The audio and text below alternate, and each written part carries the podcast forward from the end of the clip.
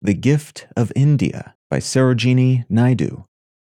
Is there aught you need that my hands withhold? Rich gifts of raiment, or grain, or gold? Lo, I have flung to the east and west priceless treasures torn from my breast, and yielded to sons of my stricken womb, to the drumbeats of duty, the sabres of doom.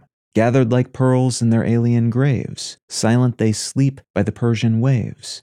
Scattered like shells on Egyptian sands, they lie with pale brows and brave, broken hands. They are strown like blossoms, mown down by chance, on the blood brown meadows of Flanders and France. Can ye measure the grief of the tears I weep, or compass the woe of the watch I keep, or the pride that thrills through my heart's desire, and the hope that comforts the anguish of prayer? And the far sad glorious vision I see of the torn red banners of victory. When the terror and tumult of hate shall cease, and life be refashioned on anvils of peace, and your love shall offer memorial thanks to the comrades who fought in your dauntless ranks, and you honor the deeds of the deathless ones, remember the blood of thy martyred sons.